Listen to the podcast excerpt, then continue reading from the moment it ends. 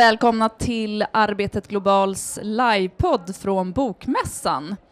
Och nu i den här livepodden, för vi har gjort flera Ja. under de här dagarna, så är det bara du och jag, Erik. ja, det känns nästan lite ensamt här. Ja, ingen gäst. Det är bara... Så det är alltså Erik Larsson, redaktör på Arbetet Global, och jag, Linda Flod, som också är redaktör och reporter på Arbetet Global, som är tidningen Arbetets utrikessajt.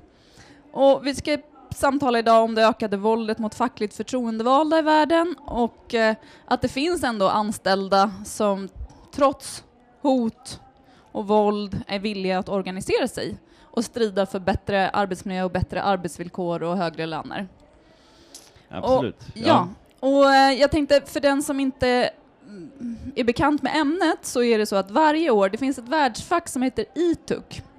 Och världsfacket gör en lista varje år på de farligaste länderna för arbetare och för fackligt aktiva.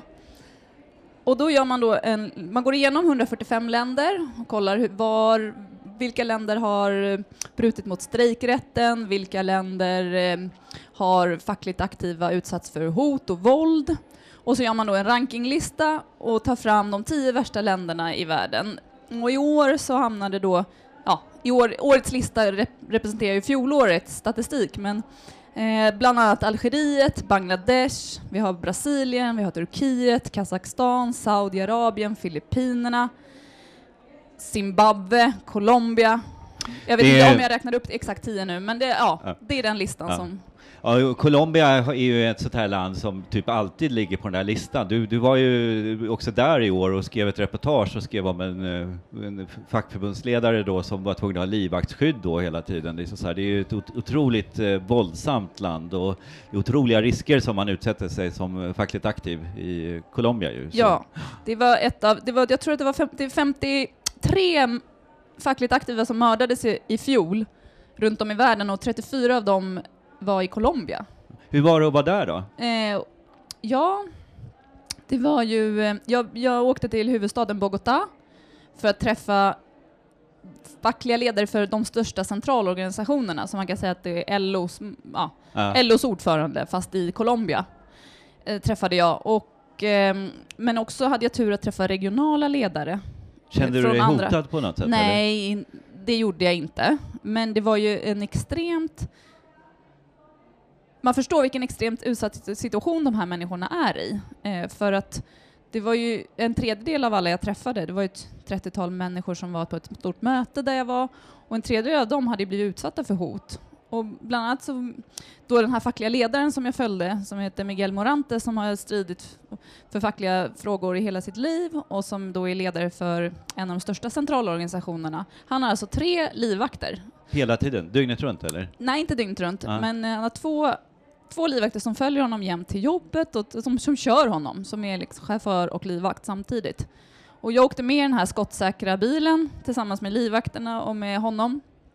Och eh, det är klart att det, för en svensk som då blir, känns, det är klart att det är en situation som är obekant. Men, Men jag var- kände varför vill de mörda inte. honom då? De vill mörda honom för hoten kommer från alla håll. Eh, I Colombia, det ser ju annorlunda ut i andra länder såklart, men i Colombia så är det så att facket inte är så mycket värt eh, bland gemene man. Man har ingen tillit till facket överhuvudtaget, precis som att man inte har någon tillit till, till politiker, för att det är så mycket korruption i landet, så har man ingen tillit till facket. Och, men hoten kommer inte det kommer både från politiker, men sen kommer det från gerillagrupper, det kommer från paramilitära grupper och det kommer från fackförbund som också strider mot varandra för att liksom förminska varandra. Det låter som ja. ett flerfrontskrig. Ja, liksom, verkligen. Och, Ja. och alla de jag träffade hade, ville, var, ville dela med sig av sina historier om här hot och våld. Och alla delade på, liksom hade olika historier. Bland annat då var det en, en kille, jag ska ta två exempel. En man som heter Jorge González som jag träffade, som precis kvällen innan hade fått ett dödshot på mobiltelefonen. För han skulle inleda löneförhandlingar för sina medlemmar, eh, anställda, i ett gruvfack i norra Colombia. Och eh, då hade han fått ett dödshot på eh, sms. Liksom, ho- död, död, död, vi vill liksom se dig död och din familj.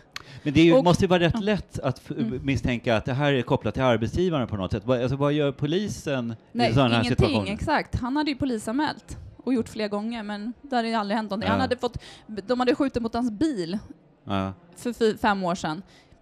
Han lyckades ta sig liksom, eh, ja, ut från bilen utan att bli skadad. Och samma sak då med Miguel Morante som hade sina liv. Han var ju, han, för att han är högsta fackliga boss så får ju han livvaktsskydd. Ja. Eh, jag tror colombiska staten har ett, eh, så här, ett civil, eller de delar ut, vad säger man? Skyddsprogram ja, kanske? skyddsprogram, ja. Ja. Personskydd till människorättsförsvarare som är på flera miljarder kronor årligen. Men det är ju bara de högsta topparna som lyckas få det här, inte de som är ja, lägre, Lägre, rankade, eller man säger, lägre på lägre nivå.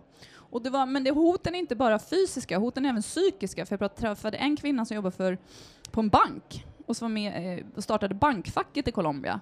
Och hon var ju utsatt för psykisk terror hela tiden och utfryst. Hur, hur då? Eh, Att hon eh, aldrig fick vara delaktig i, liksom, företaget, att hon sattes... Till slut sjukskrevs ju hon för att hon, eh, hon hade blivit... Hennes kollegor frös ut henne och cheferna frös ut henne. Och sen när hon kom tillbaka så fick hon sitta med en dator som inte funkade på en månad.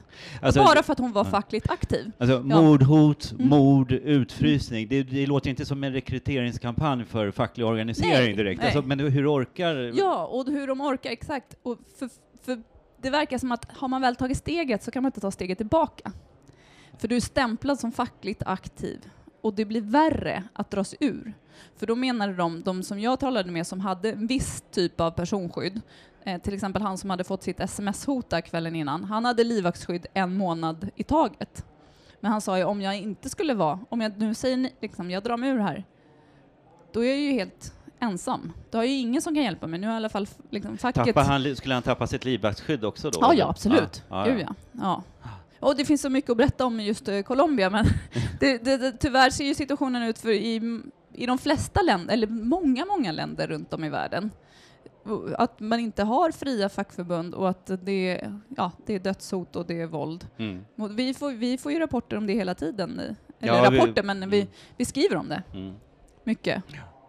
Bangladesh och Filippinerna och ja. Och ett av de länderna som har seglat upp nu där hot och våld är väldigt vanligt är Zimbabwe. Eh, som, eh, man kan se att det är jättestora spänningar på arbetsmarknaden. Det har delvis kopplat till att bensinpriset har högst, hö, blivit så högt i landet. Och det här har lett till en social oro och, den här, och flera fackföreningar har eh, organiserat demonstrationer och protester och det har blivit våldsamma sammandrabbningar då mellan eh, kravallpolis och och eh, demonstranter. Och fler, i, I samband med de här sammandrabbningarna så har flera fackföreningsledare gripits och misshandlats och sådär, Mm. vilket vi har skrivit om i flera artiklar på Arbetet Global.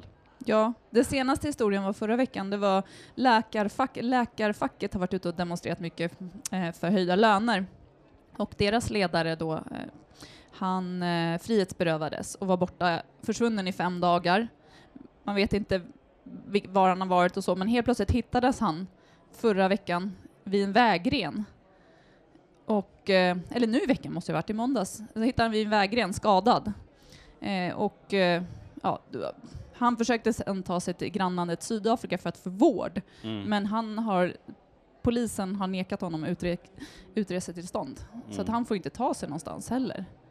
Att, men det här är ju liksom uppgifter som vi får från andra medier också. Sen har vi träffat, vi träffade ju zimbabwiska eh, fackliga ledare också i, som kom till Stockholm i, i våras. Ehm, Ja, och. Mm. ja, och han pratade också om att han hade varit frihetsberövad två gånger senaste året bara. Så att det, situationen verkar vara väldigt Mm. hård just nu i Zimbabwe. Ja. Och det här, eh, ja, men det bekräftar ju de rapporterna från Världsfacket ITUC som eh, visar att det har blivit hårdare, det sker våld i fler och fler länder mot eh, fackligt aktiva. Mm. Och du, Erik, du, eh, Hongkong, Ja, Eh, Jag är ju ändå, som, som eh, folk, ja, nu har det pratats mycket om demonstrationer i Hongkong, men du, du träffade ju, Hongkong har ett fri, fritt fack väl? ja ett, ett, de, ett större fritt fack som heter HKCTU. Eh, och det är ju ett fack som inte, det finns ett liknande fack som har ett liknande namn också, som eh, står Peking nära, men de här är fristående och de har, är en av många organisationer, ska man säga, som är med och organiserar den här proteströrelsen som sker i Hongkong just nu eh, där man eh, kräver att Carrie Lam, alltså Hongkongs chef kan man säga, att de ska utreda det polisvåld som eh, har varit i samband med de här demonstrationerna. Det är flera journalister som har eh, attackerats av polisen, det är flera demonstranter som har attackerats också av polisen. Liksom så Men jag, jag, träffade i alla fall eh, Elisabeth Tang, hon var i Stockholm för två veckor sedan. Och eh, Elisabeth Tang, hon är eh, en av de som var med och startade det här fackförbundet. Och det var ganska intressant att höra för att hon berättade att polisen just nu har, har ändrat strategi i Hongkong. Tidigare så eh, har man kört, ja, eh, det har varit mycket tårgas om man säger så. Men nu har eh, man börjat också jobba med lite mjukare strategi när man eh, använder medier för att försöka vinna över mediabilden då så att ja, Kina och Hongkongs ledning ska framstå i bättre dagar. Den här omtalade annonsen i Dagens Nyheter nyligen är ju ett exempel på det, men det som, och, det, där är det ju väldigt tydligt vilken avsändaren är och det uppmärksammades ju väldigt tydligt. Liksom sådär, va? Men snarare är strategin så här nu att man låter eh, människor prata i sociala medier, man delar videor där man kanske säger ja, de här stackars demonstranterna, det, det, de, måste in, de har nog ingen social, de har nog inte så många vänner, Eh, så att de gör det här för att få vänner. Det är inte en direkt kritik mot demonstranterna, alltså, utan man börjar plocka fram problematisera kring vilka de här människorna är. Och det här är någonting som är lite nytt. Alltså Kina, pro-Kina Ja, men alltså, det går ju inte att veta riktigt så här, vilka det är som ligger bakom, som, eh, om det här är på riktigt eller inte. Men, men eh, enligt HKCTU så märker de en, en skillnad i, eh, och de hävdar att det här är en ny taktik för polisen helt enkelt för att försöka neutralisera de eh, protesterna som finns. Och vi måste också förstå att eh, det är otroligt spänt nu i Hongkong eftersom eh, den här eh, paraply, umbrella movement kallas det för, paraplyrörelsen, eh, den växte ju upp, jag tror att det var kring 2015, som den, man trodde verkligen då liksom att paraplyrörelsen trodde att de skulle kunna öppna upp Hongkong ännu mer, men det har inte riktigt skett. Så det finns en stor besvikelse bland de här unga demonstranterna. De är väldigt frustrerade. Eh, det finns en slogan, eh, jag kommer inte exakt ihåg hur ordet är nu, men i alla fall är det ungefär så här att eh, vi, om ni är på oss så ska staden blöda, liksom, eller någonting så här. Det indikerar på att man är inte beredd att ge upp. Och eh, nu närmar sig också 70-årsdagen för kinesiska kommunistpartiets bildande, vilket eh, tanken är ju då att Peking vill fira och visa upp någon enighet på något sätt. Liksom så där. Och eh, då passar det inte så bra med de här demonstranterna. Så att eh, jag är i kontakt nu, eller jag har haft lite kontakt med några som befinner sig i Hongkong och eventuellt kommer rapportera för arbetet global där just nu, så att eh, om, om det händer någonting mer mm. nu. Mm. Men eh, vi, vi, får väl se, liksom, för att vi har, vi har två sidor. Eh, det ena är Hongkong-demonstranterna som är frustrerade. Den andra sidan Xi Jinping som är Kinas ledare som eh, är väldigt mån om att hålla upp landet eh, och visa upp ett enhetligt land nu, för den kinesiska ekonomin har eh, börjat tappa. Och när man inte kan leverera ekonomi, då måste man leverera någon form av annan enighet. Och det där har vi ju sett i många länder som eh, Ryssland och Turkiet eller någonting. Så alltså, fort mm. ekonomin tappar, då växer nationalistiska krafter och det här är ju ett mm. sätt att hålla ihop. Nu mm. pratar jag väldigt ja, ja. mycket, förlåt. Nej, men, men det man måste komma ihåg tror jag också är just att i Sverige, Sverige är så unikt med en så hög organiseringsgrad. Det är närmare 70 procent som är medlemmar i ett fackförbund i Sverige. De länder vi skriver om på Arbete Global, de har ju, inte, de har ju oftast inte mer än 10 procent no. max. Ja. Till exempel Colombia som jag var i, de har haft sin, hade sin högsta organiseringsgrad på 70-talet med 17 procent, nu är det 4 procent, så det är ju väldigt få. Eh, och då, när det då kommer hot utifrån, det blir det är ju ännu, liksom, ännu färre då som vill engagera sig. Och det har vi ju sett i textilindustrin till exempel i Bangladesh och Kambodja, Kambodja ja. och så, att det är ju, så fort de försöker bilda fackförbund För att i många länder också så är det ju så att man kan bilda ett fackförbund på den enskilda arbetsplatsen. Att det inte som i, ja, i Sverige är ju det förbund som är för en viss sektor eller för en viss bransch medan i många andra länder så är det ett fackförbund per arbetsplats så att säga. Och då är en fabrik, om det är ett 50-tal som vill bilda en fackklubb, då slås ju de ner direkt av ledningen Mm. och har inte fort, ja, och då, och då vågar inte någon annan heller ta tag i saken. Så Nej, det är ju, förstår. ja. och du, du har ju varit i Kambodja. Ja, just det. Jag, jag, det var väldigt tydligt. Jag intervjuade textilarbetare i Kambodja. Eh, Det var något år sedan eh, nu. Eh, som bland annat sydde de Hennes och Maurits kläder. Och eh, jag kom inte in, eh, jag kommer aldrig in på Hennes och Maurits fabriker. Jag har försökt i ganska många länder sådär, va? men jag har aldrig kommit in på, på Jo, jag har, det var, jo, faktiskt, i Bangladesh. Nu, okej. Jag tänkte inte på det. Men, ja. Ja. Eh, det är väldigt svårt att komma in på en Hennes Mauritz fabrik, eller en underleverantör, om vi ska Mm. vara noga, Mm. till Hennes Mauritz. Men eh, i Kambodja när jag var där rätt nyligen, så då träffade jag ju då massa textilarbetare som berättade om sina villkor och jag var hemma hos dem och såg hur de bodde och det, det är ju otroligt spartansk miljö. Liksom så här, det, är, det är betonggolv, det, det är eh, flera personer som sover i samma rum. Det är det en kvinna där, där sover brorsan, eh, brorsans fru och hon som eh, jobbade på det här, hennes Maurits underleverantör, bodde i samma lilla rum liksom så här, och de eh, la ut madrassar på golvet och fick knappt plats. Alltså det, det är ju tuffa villkor liksom så här, för de som syr de här kläderna helt enkelt. Och då är, alltså det, det finns ju flera uppförandekoder då som säger att man ska, företagen lovar att man ska underlätta för facklig organisering, men det, det är väldigt svårt att komma till den punkten där man kan få ett fack som är tillräckligt starkt. För det finns så många små fack som konkurrerar med varandra. En del av dem har startats upp av arbetsgivare också, som är bara till för att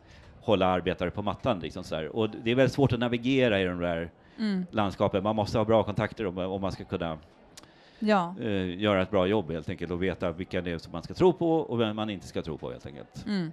Men det är spännande jobb. Men då, ja, absolut. Och de, nej men de arbetarna själva i de, här, i de här länderna då som vi har rapporterat om, de har ju, de lyckas ju inte ta, förbättra sin egen situation utan hjälp från från andra internationella organisationer eller civilsamhället Ja, utifrån. ja, ju ja så. a- a- absolut. Och Mm. sen kan det ju också vara så att de, de är ju otroligt stort stöd av hjälp, alltså dels ekonomiskt, men kanske framför allt är de stort stöd av uppmärksamhet.